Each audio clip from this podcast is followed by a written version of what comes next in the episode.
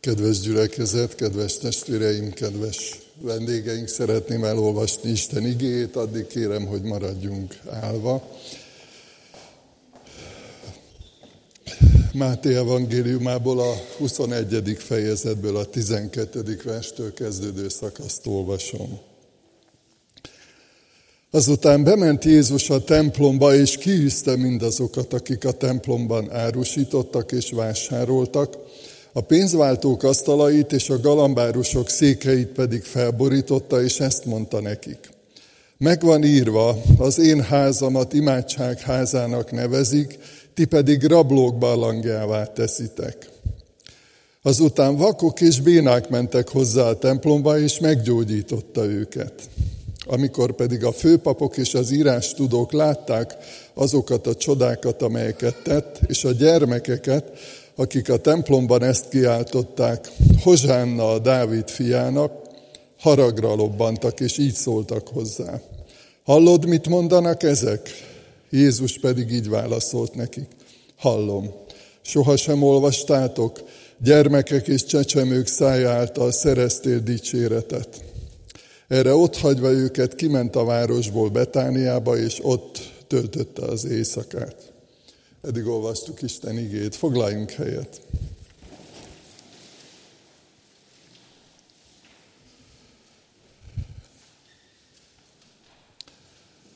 Kedves gyülekezet, kedves testvéreim, kedves hallgatók, kedves nézők!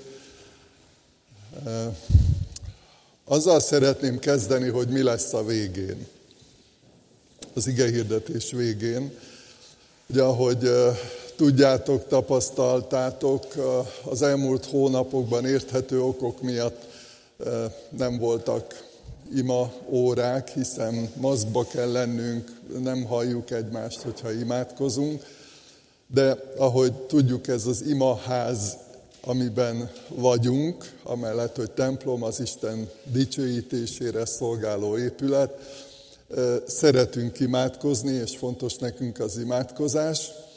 És ma ezt úgy fogjuk gyakorolni, mint gyülekezet, hogy az ige hirdetés végén lesz egy félperces, egyperces, csendes imádkozás, és aki szeretne hangosan is imádkozni, azt kérjük, hogy jöjjön ide az első padba, itt van bőven hely, meg még a másodikba is van hely, és akkor Áron oda fogja vinni majd a mikrofont, hogy halljuk azt, aki imádkozik, tehát biztatlak titeket, hogy már a, a, az igehirdetés közben, ahogy a gondolatok a szívetekben megszületnek, vagy a válaszok, az igehirdetésre a válaszok, hogyha van és lesz a szívetekben olyan imádság, amit szívesen, hangosan is elmondanátok, akkor gyertek ide előre, és akkor a mikrofonba a végén tudtok imádkozni. Én különösen szeretem, amikor hallok embereket imádkozni, mert azt gondolom, hogy önmagában is egy hatalmas nagy ajándék és nagyon nagy csoda, amikor egy ember beszélget az Istennel, vagy válaszol Istennek, és tudjuk, hogy a teremtés nyomán, a teremtés után az ember ilyen kapcsolatban volt Istennel, hogy beszélgettek rendszeresen, tehát nem természetellenes dolog volt ez, hanem ez volt a normális, ez volt a természetes. És igazából a megtérésünk, az újjászületésünk után ezt folytatjuk, illetve ilyen tekintetben is helyreállít minket Isten a Szentlélek által, hogy képesé tesz arra, hogy meghalljuk az ő szavát, illetve mi is válaszoljunk neki. Úgyhogy ha van, illetve lesz a szívetekben ilyen üzenet, ilyen imádság, akkor biztatlak titeket, hogy jöjjetek előre, és kaptok majd mikrofont. Még szintén bevezetőben annyit hadd mondjak el, ezt a címet választottuk ennek a ma délelőttnek. Egyébként maga a történet, a, a templom megtisztítása, de hogy igazából nem csak egy épület, vagy egy istentisztelet, vagy egy szertartás megtisztításáról van szó benne, hanem igazából annak a csodájáról, hogy most hadd mondjam így, hogy akkor teljes az életünk, akkor érezzük otthon magunkat, akkor érezzük jól magunkat a bőrünkben, hogyha tiszták vagyunk. Ezt nem mindenki tudja, vagy nem mindenki tartja fontosnak, de azt gondolom, hogy akiket Isten megtisztított, tiszta lelkiismerettel, békességgel éljük meg a mindennapjainkat, tudjuk, hogy ez mekkora ajándék a, a tisztaságnak az öröm. Egyébként a, amikor dolgozunk, vagy elfáradunk, megizzadunk, akkor is sokszor érezzük ezt, hogy milyen jó dolog tisztálkodni, megtisztulni, nem csak a vírus megelőzése, vagy a vírus fertőzés megelőzése miatt, hanem amiatt is, hogy, hogy egyszerűen az ember akkor érzi otthon magát, hogyha ha tiszta, és nem csak a kezünkre vagy a fejünkre gondolok, hanem, hanem, hanem a lelkünkre, a szellemünkre, ami, ami Istennel közösségben, kapcsolatban van ilyen értelemben is.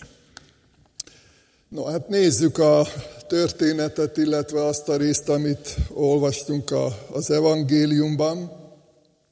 Ugye ez a Jeruzsálemi templomról egy vázlatos kép, és látszik, hogy egy hatalmas épület, hatalmas objektum ott a, a közepén a, a szentély, illetve a templomnak a belső része, és az a, a szélén, a két szélén, a szentély két oldalán az a a pogányok udvara, tehát fizikailag így nézett ki, így láthatjuk, vagy így ismerhetjük meg a Szentírásból a, a templomot. Érdekes kifejezés, vagy érdekes törekvés volt, hogy, hogy a templomnak legyen egy olyan része, ahol teljesen kívülállók, mondhatjuk így pogányok valamilyen módon hallhatnak Istenről, vagy bekapcsolódhatnak.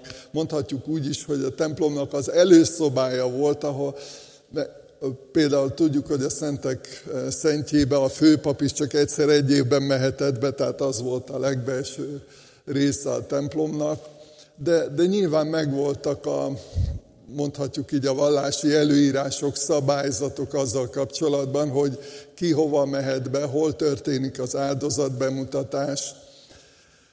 És egyébként ez egy nagyszerű ötlet és egy nagyszerű dolog, hogy és Isten gondolatairól sok mindent elárul, meg Isten eredeti ötleteiről, hogy, hogy akar területet biztosítani, akar lehetőséget adni arra, hogy bárki ezen a világon visszataláljon hozzá. És emlékeztek arra, ezt sokszor szoktam emlegetni, hogy, hogy Isten népének a küldetése, hogy áldás legyen, hogy az Istentől kapott értékeket valamilyen módon közvetítse, és ez egy olyan lehetőség volt a pogányok udvara, hogy, hogy lehetett kapcsolódni a templomhoz, lehetett kapcsolódni Isten népéhez. Egyébként a pogányok udvarában is volt Tóra felolvasás, tehát amikor felolvastak a mózesi törvényekből, tehát Isten igéből gondolatokat, volt csendes idő az eredeti szándék szerint, volt csendesség vagy csendes idő, amikor a meghallott üzenetre válaszolhattak a pogányok, akik még így szerették volna Istent megismerni. És, és hát ezt a csodát, ezt a csodálatos lehetőséget torzították el üzleti okokból, mert ugye a templomon kívül is lehetőség lett volna arra, hogy az áldozati állatokat megvásárolják azok, akik messzebbről érkeztek, és azt is tudjuk, hogy a templomadót csak olyan pénznemben lehetett befizetni, ennek is volt ilyen tisztasági vagy vallási oka, de hát pénzváltókra is szükség volt, és hát volt a templom területén kívül is erre esély vagy lehetőség, de beszivárogtak, benyomultak a templom udvarba, és hát erre mondta azt az Úr Jézus, hogy rablók barlangjává tettétek a, az imádság házát. Ez, ez így nagyon erősnek hangzik, de még erre vissza fogok térni, hogy ez tényleg így volt. És egyébként, hogy mennyire igaz az, hogy volt ennek létjogosultsága a, a pogányok udvarának, olvasunk az apostolok cselekedeteiről írott könyvben egy olyan emberről, aki nagyon messziről, Etiópiából, több ezer kilométerről érkezett azért, hogy imádja Istent Jeruzsálemben, és vásárolt ugye tekercseket, amikről tudjuk, hogy, hogy egy vagyont értek egyébként, egy, egy korabeli ilyen ézsajás tekercset vásárolt. Tehát, hogy nem csak, hogy a közelről, vagy, vagy Jeruzsálem közeléből, vagy Palesztina közeléről, hanem még messzebbről is érkeztek emberek, és pont ez lett volna a célja a pogányok udvarának, hogy otthonra találjanak, hogy megismerjék Istent, hogy kapcsolódni tudjanak hozzá, kapcsolódni tudjanak az igéhez, és válaszolni tudjanak rá. Valaki így fogalmazta meg, hogy a pogányok udvara a misszió helye volt. Ehelyett kereskedelmi központ lett. Mi ezzel a probléma? Hiszen, ahogy mondtam, az áldozati állatoknak a megvásárlására, illetve a, arra, hogy beváltsák a pénzt, arra szükség volt. Mi volt itt a baj? Az egyik, amit röviden meghatározhatunk, hogy tulajdonképpen az, hogy Istennek volt egy ötlete, egy akarata, az igazság, a valóság, amit ő jónak látott, és tudjuk, hogy amit ő kitalál, amit mond, az hibátlan és tökéletes. És az ember elferdítette, másra használta, más tartalommal töltötte ki, vagy töltötte be azt az egyébként nagyszerű célt, vagy a cél lehetőségét. Borzasztó nagy baj, amikor azt gondoljuk, hogy, hogy mi azért Istennél egy kicsit jobban tudjuk, hogy hogy kell megszervezni az életet, meg hogy mit mire kell használni. És hát így történhetett meg az, hogy egy kereskedőház lett a misszió házából, Egyébként elég szomorú, hogy a mai európai valóságban egyre több templomot vagy lerombolnak, vagy más célra használnak. Vannak elég ijesztő dolgok is, ebben most inkább nem akarok belemenni. De tény az, hogy, hogy ez az embernek egy borzasztó nagy kísértése, nagyon erős kísértése, hogy, hogy más csináljunk, mint amit Isten mond. Hogy felülbíráljuk őt, hogy másképp gondolkodjunk, más célokat tűzzünk ki. És tulajdonképpen ennek a gyökere érdekes, amikor a bűnről van szó, az Istennel szembeni lázadásról, akkor érthető okok miatt mi nagyon sokszor valami nagyon csúnya gyilkosságra, vagy akár háborús büntetre, meg ilyenekre gondolunk először, és az Úr Jézus egy tanításában nagyon világosan rámutat, hogy amikor a Szentlélek megmutatja, hogy mi a bűn, akkor azt mondja, hogy az, hogy nem hisznek én bennem. Hát erre biztos, hogy a legtöbb ember azt mondja, hogy hát ez nem olyan nagy bűn, nem? a hitetlenség, azt gondolják, azzal nem ártanak sem maguknak, sem másoknak. De azt mondja az Úr Jézus, hogy ez a gyökere, pontosan ez a lázadás, ami a bűnesetkor is történt, hogy Isten világosan megmondott, kijelentett valamit, és az ember mégis másképp csinálta, fellázadt. Mire használjuk az Istentől kapott értékeinket, lehetőségeinket? Úgy is mondhatjuk, hogy nem rendeltetés szerűen használták.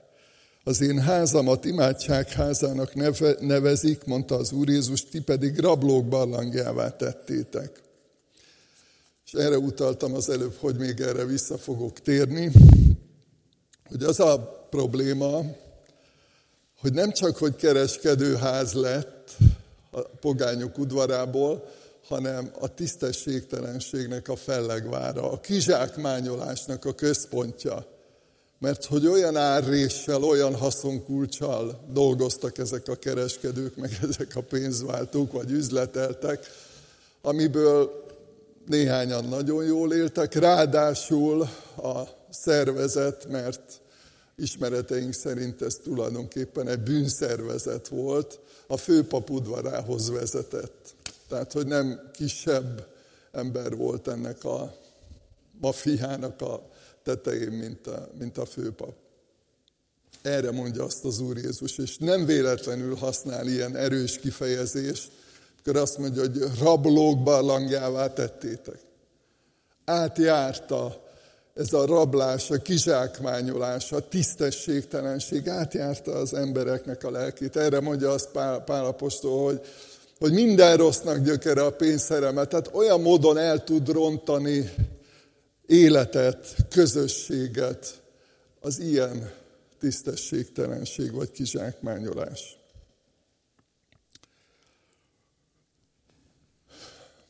Milyen lehetőségeink vagy kereteink vannak. Ugye a pogányok udvaráról volt szó. Mondjuk a templomról már mondtam egy-két mondatot, mondjuk a, a gyülekezetnek, a Krisztus tanítványai közösségének. Mi a rendeltetése? Mi az, amire azt mondta Isten, hogy, hogy kapcsolódjunk egymáshoz, hogy becsüljük, hogy szeressük, hogy tiszteljük egymást, mit csináljunk a gyülekezetben. Tehát erről vannak nagyon világos, egyértelmű bibliai kijelentések. És már a jelenések könyvében, amikor a gyülekezetek már néhány évtizedes múltal vagy hagyományrendszerrel rendelkeztek, már olvasunk arról, hogy az Úr Jézus látja, és azt mondja, hogy az a panaszom ellenet, hogy elhagytad az első szeretetedet. Nem rendeltetésszerűen működsz. Valami olyan alapvető dolog hiányzik, ami azt jelenti, hogy ha ez így megy tovább, akkor végetek van. Nem kisebb veszély, hanem tönkre megy, elromlik, vége lesz. Vagy egy másik gyülekezetnek azt üzeni az Úr Jézus, hogy az a panaszom ellenet, hogy eltűröd Jézabelt. Eltűrsz olyan dolgokat, a tisztességtelenség, a paráznasság, a beteges szexualitás területén, ami miatt, hogyha ezt meghagyod, és ha továbbra is toleráns vagy, ilyen értelemben a tisztességtelenséggel szemben, akkor elrothad tehát, hogy döbbenetes, mint ahogy látjuk sokszor egy egészségesnek látszó gyümölcsön, és hogyha belül van valami baj, akkor az egyszerűen csak időkérdés, hogy mikor rothad el, és mikor pusztul el. Tehát, hogy egy gyülekezet legyen, szeretet közösség legyen, tiszta, az emberi kapcsolatok tekintetében is, vagy éppen a gazdasági üzleti dolgaink ügyében is, mert nyilván, hogy tehát ott a pogányok udvarával sem, vagy hogy az áldozat bemutatással kapcsolatban sem az volt a probléma, hogy eladtak egy galambot valakinek, hanem az, hogy mindezt hogy csinálták. Tehát, hogy, egy mai gyülekezetnek is rendeltetésszerűen, és Isten által meghatározott rendeltetésszerűen kell működnie. De mondhatnám a családot, házasságot, rendeltetés szerűen működik. És nem kell messze menni, most jó, hogyha egy picit önmagunkra, magunkra gondolunk. Amit tanulunk a Szentírásból, hogy Isten mit mond, hogy hogy gondolkodjunk egymásról, hogy támogassuk egymást, hogy segítsük egymást. Ez így működik? Így van? Rendeltetésszerűen működünk? vagy a tisztességtelenség, vagy az elnyomás, vagy a leuralás, meg sok minden előfordulhat egy emberi kapcsolatban, ami tönkre tehet. De mondhatnám a, a természetet, a bennünket körülvevő világot, mint Isten teremtményét, hogy rendeltetés szerűen használjuk. vagy, vagy a testünket, Ugye létezik ilyen, hogy munkaalkoholizmus, létezik ilyen, amikor úgy kizsigereli az ember önmagát, hogy belebetegszik és tönkre megy. Amikor Istennek még ezzel kapcsolatban is van világos tanítás, hogy hat napon át dolgoz, hetedik nap pihenj meg. Nagyon sok olyan gondolat, üzenet, tanítás van a Bibliában, ami teljesen egyértelmű, mert hogy Isten teremtette ezt a világot, és benne minket is, és ő tudja, hogy mit bírunk, mennyit bírunk, hogy működünk, hogy működünk jól, mit jelent együtt, és akár egyenként.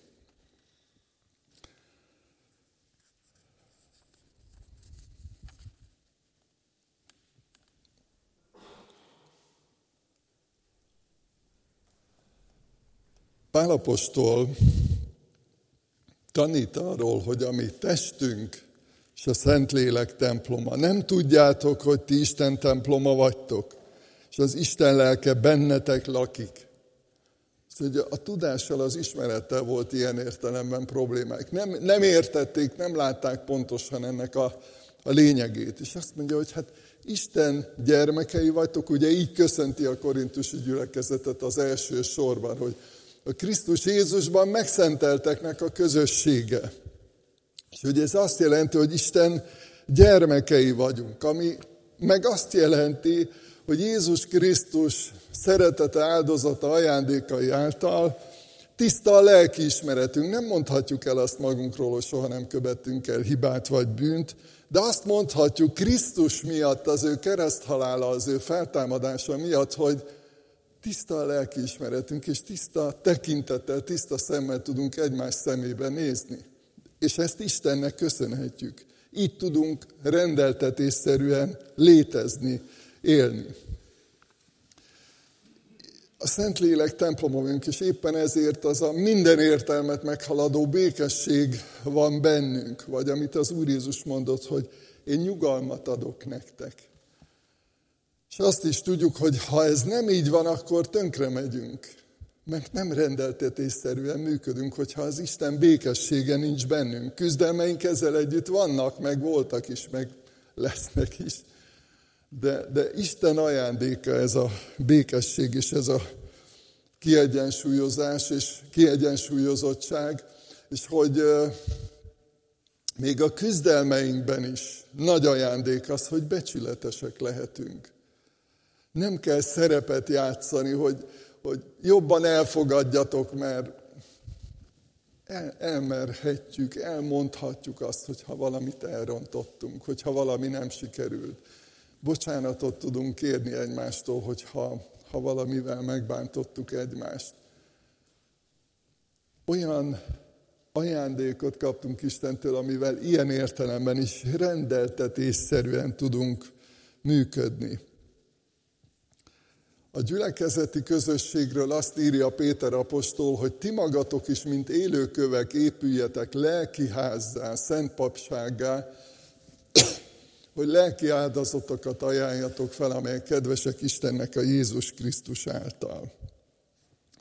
Istennek világos útmutatással van azzal kapcsolatban, hogy mit akar a gyülekezettel, mit vár a gyülekezettől, mi a gyülekezetnek a küldetése, ugyanaz, amit Isten népéről mondtam, hogy, hogy Isten ajándékait közvetítjük, áldássá váljunk. Ugye misszió, egy elég széles jelentéstartalommal bíró kifejezés.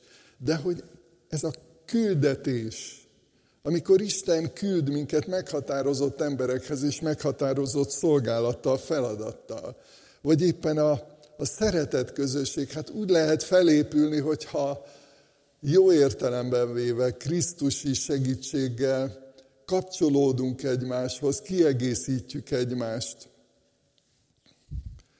és támogatjuk egymást. Úgy képzeli el Péter a közösséget, mint egy csodálatos templomot, amiben otthonra találhatnak az emberek, akik keresik Istent. Ugye gondoljatok a, a pogányok udvarára.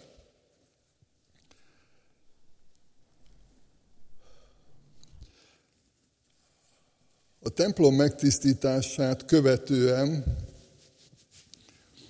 is történtek dolgok, ebben a rövid leírásban olvassuk, de szeretném sorba venni így veletek együtt, hogy, hogy mi történt itt, mert hogy a, ami a meg, templom megtisztításával kapcsolatosan történt, az is egyfajta jelzés volt arra nézve, hogy ki ő, hogy ki az Úr Jézus, aki ott volt közöttük. Hiszen eljött, mint megváltó.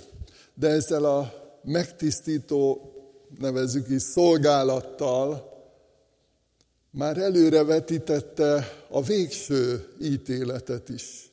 Mert el fog jönni, mint ítélő bíró. Ezt írja Isten igéje. És ehhez kapcsolódik az, az áldozattal kapcsolatban, és nyilván nem ezért tűzte ki a templom udvarból, vagy a pogányok udvarából a pénzváltókat, a galambárusokat, de, de már, is, már ez is egyfajta jelzés volt arra, hogy ő miért jött. Gondoljatok arra az ígére, egyetlen áldozattal örökre tökéletesítette a megszentelteket. Tehát nem lesz szükség ilyen értelemben állatok feláldozására, nem lesz szükség ilyen értelemben a bűnért való engesztelő áldozat gyakorlására, mert hogy az Úr Jézus önmagát feláldozza, ugye, akkor ő már tudta, és az előző hetekben szó volt arról, hogy többször beszélt a tanítványoknak erről, hogy őt elfogják majd, és meg fogják ölni, keresztre feszítik, de majd fel fog támadni. Tehát tudhatták.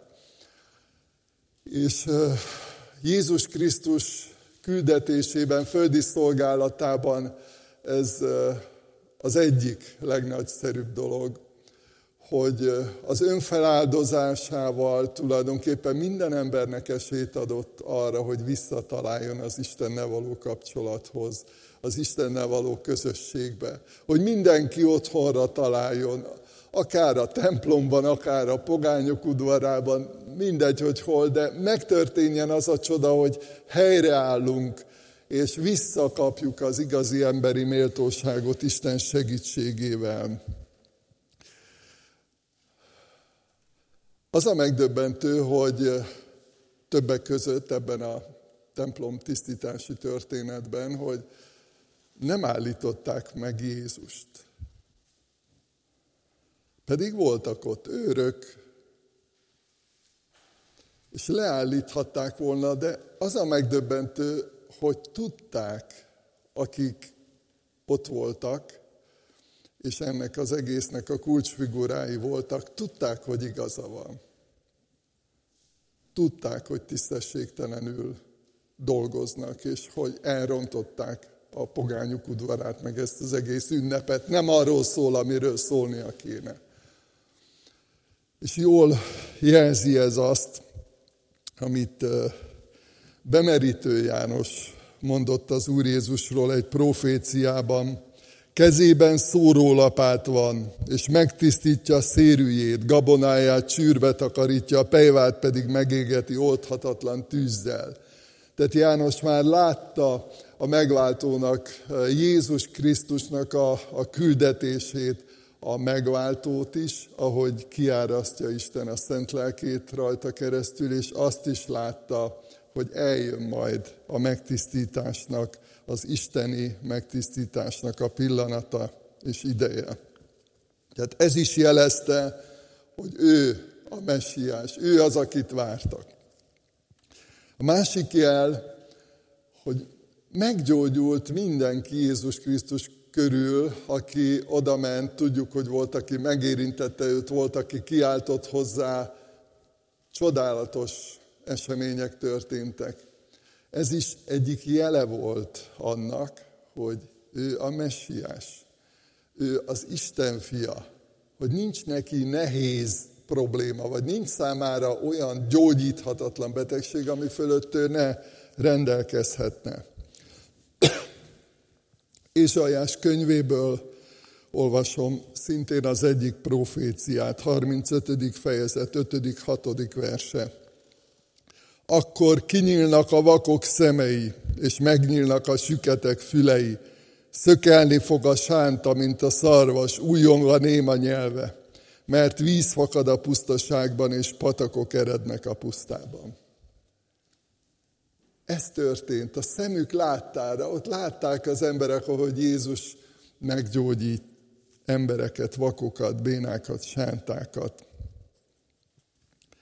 És volt még egy nagyon kedves és megható pillanata ennek a történetnek, amit persze szintén a korabeli vallási vezetők nem értettek, meg nem akartak elfogadni, amikor dicsérték és magasztalták a gyermekek is az Úr Jézus Krisztust, és erre utal az Úr Jézus erre a Zsoltár részre, a nyolcadik Zsoltárból, gyermekek és csecsemők szája által is épített hatalmadat ellenfeleiddel szemben, hogy elnémítsd az ellenséget és a bosszúállót. Az jutott eszembe, amikor ezt olvastam, hogy eh, ugye a gyermektáborban minden nyáron sokat énekelünk. Sokszor magasztaljuk Istent, és olyan megrendítően csodálatos és nagyszerű érzés az, amikor halljuk a, a gyermekeket, meg persze velük együtt énekelünk, mi is, meg zenélünk. Halljuk, ahogy magasztalják az Úr Jézust, ahogy dicsérik. Mert hogy ők is megértik, meg elfogadják, hogy szereti őket az Úr Jézus, és a, az értelmükkel már fel tudják fogni, hogy, hogy Jézus Krisztus milyen áldozatot vállalt értük. Fel tudják fogni, hogy mi a jó és mi a rossz, és mi a bűn és mi az igazság, és nyilván még sok szempontból fejlődniük kell, mint ahogy egyébként nekünk is fejlőtt embereknek. De, de volt olyan, emlékszem olyan alkalmakra, amikor csak így énekeltek, hallgattam őket, és így potyogtak a könnyeim. Tehát van valami olyan csoda abban, amikor, amikor együtt magasztaljuk és dicsérjük az Urat. Ez is a messiásra utaló jel volt, hogy még a gyermekek is dicsérték őt. Egy igét szeretnék végül elmondani. János apostol írja, ha a világosságban járunk, ahogyan ő maga a világosságban van, akkor közösségünk van egymással, és Jézusnak az ő fiának vére megtisztít minket minden bűntől. Egy közösségben, egy ige hallgató gyülekezetben, vagy akár hogyha az online figyelőkkel, vagy hallgatókkal, vagy nézőkkel együtt gondoljuk ezt, akkor akkor nyilván nem tudjuk pontosan egymásról, hogy kiben milyen érzések és gondolatok vannak. Nem biztos, hogy tudjuk egymásról, hogy, hogy esetleg milyen tisztátalan érzésekkel, gondolatokkal küzdködünk. Vagy nem tudjuk egymásról, vagy nem tudhatjuk, vagy nem feltétlenül tudhatjuk egymásról, hogy, hogy kinek az emberi kapcsolataiban mi történt, vagy, vagy hogy milyen a keze. Ugye azt, azt írja Pálapostól, hogy férfiak bűntől tiszta kezeket emeljenek fel, amikor imádkoznak. Mert érdekes, ugye magyar nyelvben sok érdekes kifejezés van, ugye mondják, hogy létezik olyan, hogy enyves kéz. Ugye, ami a tisztátalanságra utal a ragadásra, hogy könnyen odaragad hozzá akár másnak az értéke vagy a, vagy a tulajdona.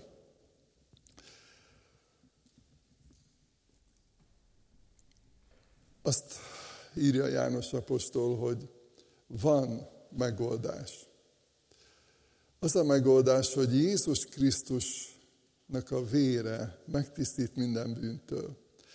Ezért van az, hogy ha valaki őszinte bűnbánattal keresi Istent, akárhol, akár itt most az imaházban, akár otthon a számítógép vagy a telefon előtt, hogyha figyelemmel kíséri ezt a közvetítést, akár az udvaron utána, mert hogy itt is van udvar, ha nem is pogányok udvarának hívjuk, de, de bárhol, ha őszintén azt mondjuk, hogy Úr Jézus, tisztíts meg engem, tisztíts meg a gondolataimat, a vágyaimat, az érzelmeimet, a kapcsolataimat. És lehet, hogyha hazamegyünk, akkor egy családtagunktól bocsánatot kell kérni. Nem tudom, sok minden lehet, ami miatt ennek az igének már el kellett hangoznia. De hogy meg lehet tisztulni, és biztos, hogy sokan vagytok itt, akik átéltétek már ezt, hogy amikor Jézus Krisztus megtisztított titeket, akkor felszabadultatok, megváltozott az életetek, az életérzés is, és, és öröm, és felszabadultság, és boldogság, és nyugalom töltötte be a szíveteket, mert Isten a Szentlélek által ezt cselekszi, a megtisztult embert betölti önmagával. Úgyhogy amikor most egy kicsit csendben leszünk, tehát körülbelül fél percig, egy percig, akkor azt kérem, hogy mindenki magában imádkozzon, és gondoljuk végig, hogy rendeltetésszerűen élünk-e úgy, ahogy Isten rendelte, úgy, ahogy Isten teremtett minket. Vagy az emberi kapcsolataink Isten akarata szerint vannak-e, vagy működnek-e, vagy léteznek-e. Vagy éppen a missziónk, hogy ha, van ilyen küldetéstudatunk, hogy valakit vagy valakiket Isten ránk bízott. És eh, ahogy említettem az elején, hogy ha valaki szeretne majd hangosan is imádkozni, akkor ez alatt a fél perc alatt jöjjön ide előre, és majd a, az imádságot én fogom egy hangos imádsággal lezárni. Imádkozzunk!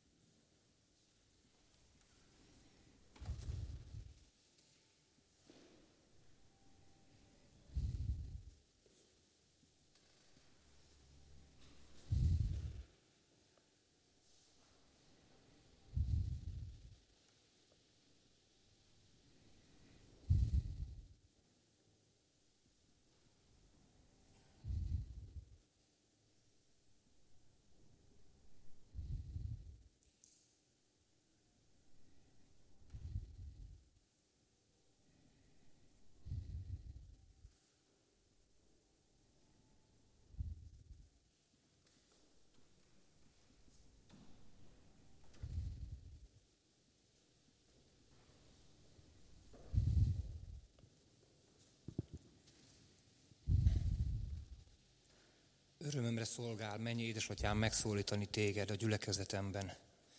Örömömre szolgál, hogy lehet hangom, amivel dicsérhetem a mennynek, a földnek, a mindenségnek urát. És köszönöm, hogy ma is bizonyságát adtad annak, hogy te a népeddel vagy. Bizonyságát adtad annak, hogy te mindig az elveszettet keresed. És amikor azt az érzést érezzük, hogy eltávolodunk tőled, hogy bekoszolódunk, vagy nem látunk téged. Te ezt az érzést azért adtad, mert jelzi azt, hogy, hogy keresel.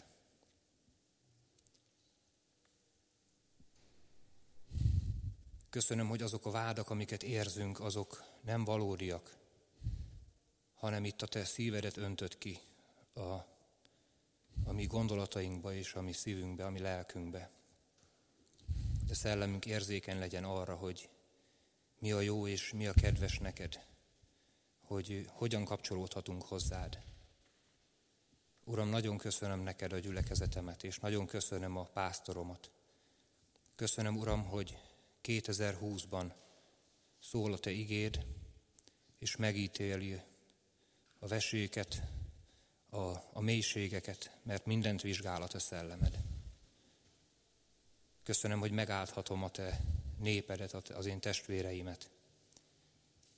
És köszönöm, hogy leveszel minden vádat a nyakunkból, leveszel minden rossz gondolatot, és el nem megyünk az Úr Jézus Krisztus nevében az istentelen gondolatoknak, a szomorúságnak, el nem megyünk a haragnak, el nem megyünk azoknak a tőled eltávolító érzelmeknek és gondolatoknak, amik nem épülésre vannak, hanem rombolásra.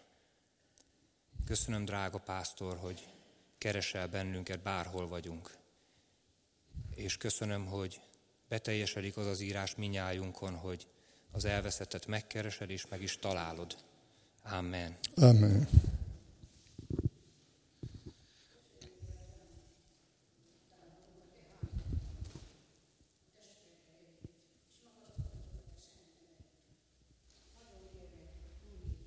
Édesatyám, formáld a mi életünket is, add Uram, hogy a Te akaratod legyen meg a mi életünkben mindenkor. Könyörülj rajtunk, jó Atyám Istenem, tégy minket szenti, mert Te szent vagy, szenteltessék meg a Te szent neved mindörökké. Köszönöm, Uram, köszönöm, hogy Te kiválasztottál minket, és megtartasz minket, és vezetsz minket a Te akaratod szerint. Nagyon kérlek, jó Atyám, tiszta szívet teremts belénk, és a lelket újítsd meg, és jöjj, Uram, és vizsgálj meg minket, és próbálj meg minket, és nézd meg, hogyha valami olyan dolog van a mi életünkben, ami nem egyezik a te akaratoddal, attól, hogy szabadok legyünk minden, minden bűntől, minden olyan dologtól, ami nem egyezik a te akaratoddal, hogy tisztán, szentül igazán várjunk téged, amikor mi, mi érettünk jössz majd. Dicsőség legyen néked, Uram, hogy te minket szeretsz és vezetsz, és a kegyelmedbe fogadtál. Dicsőség legyen néked, hogy örök életünk van te nálad, áldva legyen, dicsőítse magasztalva mindörökket a szent neved. Amen. Amen.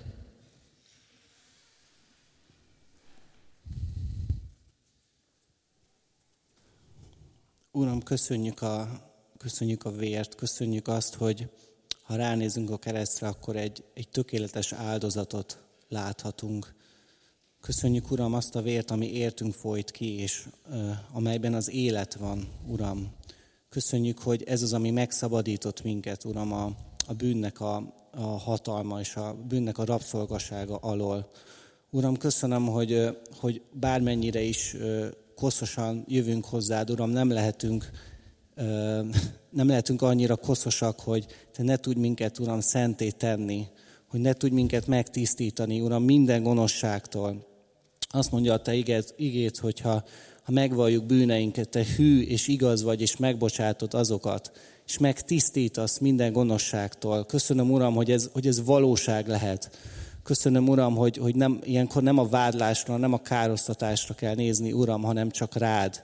Köszönöm, hogy ez az, ami megtart, ez az, ami átvisz az életre, Uram, ezekben a helyzetekben is, amikor elesünk, vagy amikor elbukunk ö, valamiben. Köszönöm, Uram, hogy, hogy hogy ilyenkor fehérebbek lehetünk, mint a hó. Köszönöm Jézus, köszönöm, hogy, hogy nincs, más, nincs más, ahova mehetnénk, csak hozzád. Köszönöm, hogy egy tökéletes Isten vagy, Úr Jézus. Köszönöm, hogy ezt, köszönöm, hogy János a tanításában erre emlékeztetett uh, ma itt minket. Köszönöm Jézus. Amen. Amen.